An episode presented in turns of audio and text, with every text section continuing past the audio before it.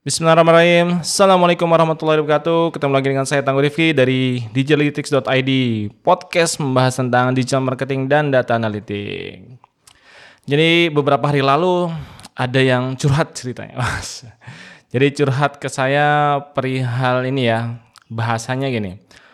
Mungkin ini orangnya dengar juga sih podcast Tapi nggak apa-apa ya. Siapa tahu hal ini bisa dialami dengan saya pribadi atau teman-teman juga yang sama di sana.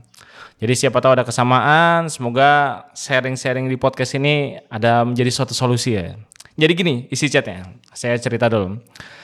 Mas, kan aku pegang distributor kota Jogja untuk produk ini. Nah, saya anggap ini uh, kiasan nih. Jadi uh, contoh ya kotanya.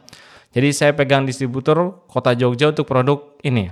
Nah, sistem dari pusat itu per kota ada mitra.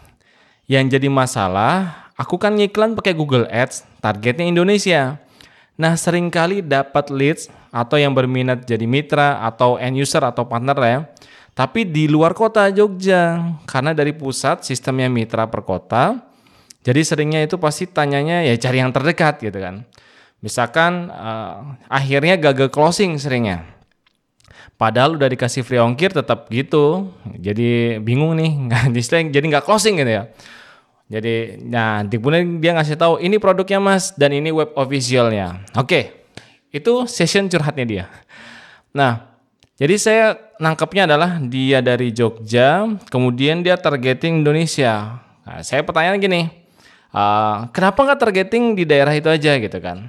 Nah, kemudian saya lihat cek, uh, sebut aja web officialnya minyakantimiskin.com. Nah, saya anggap produknya minyak pelumas gitu untuk anti miskin itu.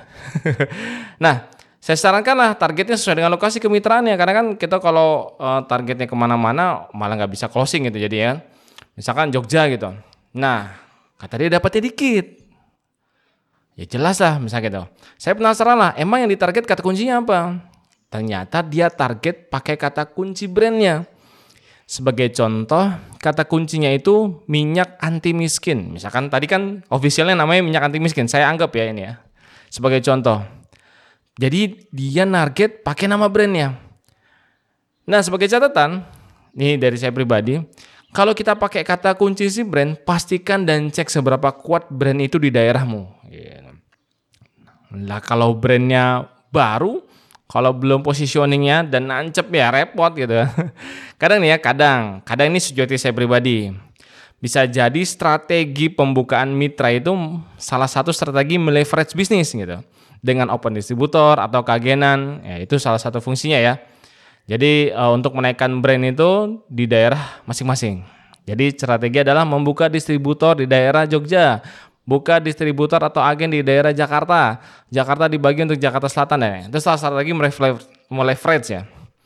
Dengan harapan si brand gitu kan, harapan si brand agen ini bisa mantap marketingnya dan terjadilah kenaikan sales. Jadi semacam kayak buka cabang ya, banyaklah jalur distributionnya. Nah, sering kali, acap kali ya, si brand kurang mengedukasi ke market, jadi agen kerepotan dalam menjual. Saya pernah belajar dari hal ini dari Mas Dodi, Mas Dodi Zulkifli, bahas tentang brand. Kalau pemilik brand itu memang tugasnya menciptakan demand, permintaan gitu. Agen atau distributor pasti akan datang dengan sendirinya. Nah ini saya, saya masih ingat banget tentang ini. Jadi alis yang saya tangkap ada margin atau peluang pasti pada mau ikutan jadi distributor atau agen karena market udah mencari-cari gitu. Contohnya misalkan saya tinggalnya di Depok tiba-tiba belum ada yang dibuka agen Indomie. Yang siapa yang mau mendistribusikan Indomie ini? Nah kira-kira kalau kita melihat Indomie pada rebutan nggak? Rebutan karena sudah marketnya udah ke edukasi gitu. Bahasanya gitu ya, simpel kan. Nah beda hal baru mulai. Jadi baru mulai sebulan langsung open agen, market baru teredukasi dan agen atau distributor ini. Kebayang ya? Nah, saya memahami juga hal ini emang nggak mudah ya. Jadi uh, saya juga bukan pasukan agen-agenan gitu. Saya bukan pasukan yang bikin reseller seperti itu karena uh, beda ilmunya, beda stylenya, beda caranya gitu ya. Saya termasuk pasukan yang babat hutan. Jadi baru ya gas gitu. Nah itu saya pasukan babat hutan. Bahasanya saya pasukan pet traffic lah gitu ya. Tidak kemungkinan kita jadi distributor agen bisa main paid traffic. Cuman saya biasanya pasukan babat hutan. Jadi yang mengenalkan kan ya saya bisa sebut uh, ada tim-tim yang untuk menaikkan brand itu adalah early adopter seperti itu. Oke, balik lagi ya. Jadi yang masalah keyword tadi nih atau kata kunci. Jadi teman saya ini nggak uh, tak saya tak nggak mentarget kata kunci yang lain gitu. Jadi mentarget kata kunci berdasarkan nama brandnya. Ya wis, tak suggestion aja kata kunci yang lain. Nah, ngiklan di Google Ads itu kan pasti kata kun, uh, pasti kata kunci yang dipakai yang lebih enak adalah berdasarkan sol solusi gitu. Logikanya gini ya. Sebagai contoh, kita nyari obat batuk. Apa ya kita langsung search di Google nama brand misalkan komik atau OBH Kombi atau laser ini. Kita cek. Kita punya masalah pasti uh, mencari solusi ya. Bisa jadi Google mencari solusi. Udah menjadi kebiasaan user, termasuk saya pribadi ini, saya pribadi. Bisa jadi teman-teman juga begini, nyari solusi di Google yang dicari adalah kata kunci solusinya, bukan si brandnya.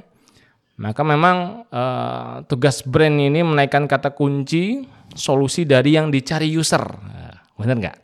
Setuju, setuju. Bener nggak? jadi alias si brand kita ini muncul di kata kunci tertentu yang related. Jadi misalkan, misal nih, brand kita tadi adalah minyak anti miskin. Berarti saat orang mencari kata kunci, cara agar kaya dengan mudah gitu, muncullah brand kita ini gitu.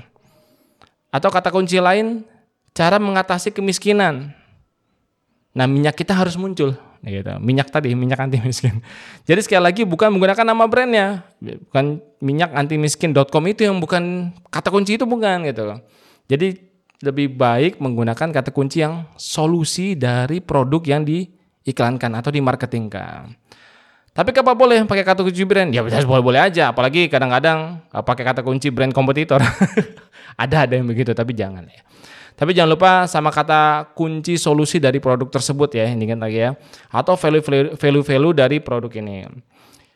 Saya coba iseng set deh, kata kunci miskin ini ada nggak ya? Uh, ternyata setelah saya cek, sebelum saya bikin podcast ini memang nggak banyak yang mencari kata untuk biar nggak miskin. Ya, rata-rata lebih ke pendataan lah. Coba teman-teman bisa search aja. Sebaliknya kata kunci kaya dan kawan-kawannya. Nah ini dia. Pencariannya banyak juga. Misal, cara cepat kaya. Ini pencarian sampai 6.600 tiap bulannya loh. Oh, bisa ditarget nih yang mau cari cepat kaya nih. dengan produk yang jelas, bukan dengan yang lain. Belum lagi kata kunci turunannya atau sejenisnya. Wah, keh, tenan ternyata. Eh kurang lebih itu ya. Uh, jadi teman saya ceritanya dia punya jadi sebagai agen uh, salah satu produk. Saya anggap tadi adalah minyak anti miskin bahasa produknya. Ternyata dia kebagian di kota Jogja. Cuma pas di kota Jogja uh, dia target Indonesia. Ya tiba-tiba nanti ada yang beli di Medan nggak bisa dong gitu kan. Apalagi ada akad untuk kemitraan. Terus saya cek kenapa dia nggak pakai kata kunci solusi dari produk itu untuk di daerah Jogja. Pasti kan ada solusi masalah-masalah yang diselesaikan dari masing-masing produk. Nah dari pakai kata kunci itulah yang diiklankan di daerah masing-masing. Ya mungkin itu podcast kali ini. Next mungkin kita bisa bahas cara riset kata kuncinya gimana nih mas. Ya insya Allah next podcast lah ya kita bahas ini. Semoga bermanfaat podcast kali ini. Terima kasih. Assalamualaikum warahmatullahi wabarakatuh.